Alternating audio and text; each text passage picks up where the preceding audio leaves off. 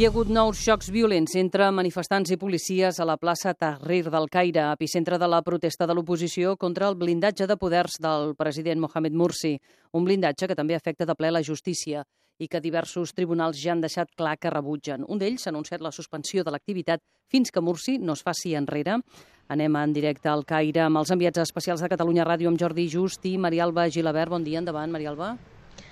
Hola, bon dia. Després de la manifestació multitudinària d'ahir, alguns grups de joves es van enfrontar amb la policia i aquests incidents, que han fet ja un centenar de ferits, han durat fins a mig matí. Però ara sembla que s'ha calmat la situació una mica fins al punt de que ja hi ha alguns cotxes circulants per Tahrir. Veurem el que dura. Mentrestant, com dèieu, el Poder Judicial ha passat a l'atac, ha acusat el president de liderar una campanya contra el Suprem, atiant les tensions entre els representants islamistes i la resta.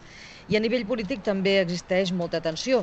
L'oposició ha advertit que com més tregui Mursi a cedir en les seves aspiracions d'obtenir més poder, més s'accentuarà la polarització política i social. Gràcies, Marial.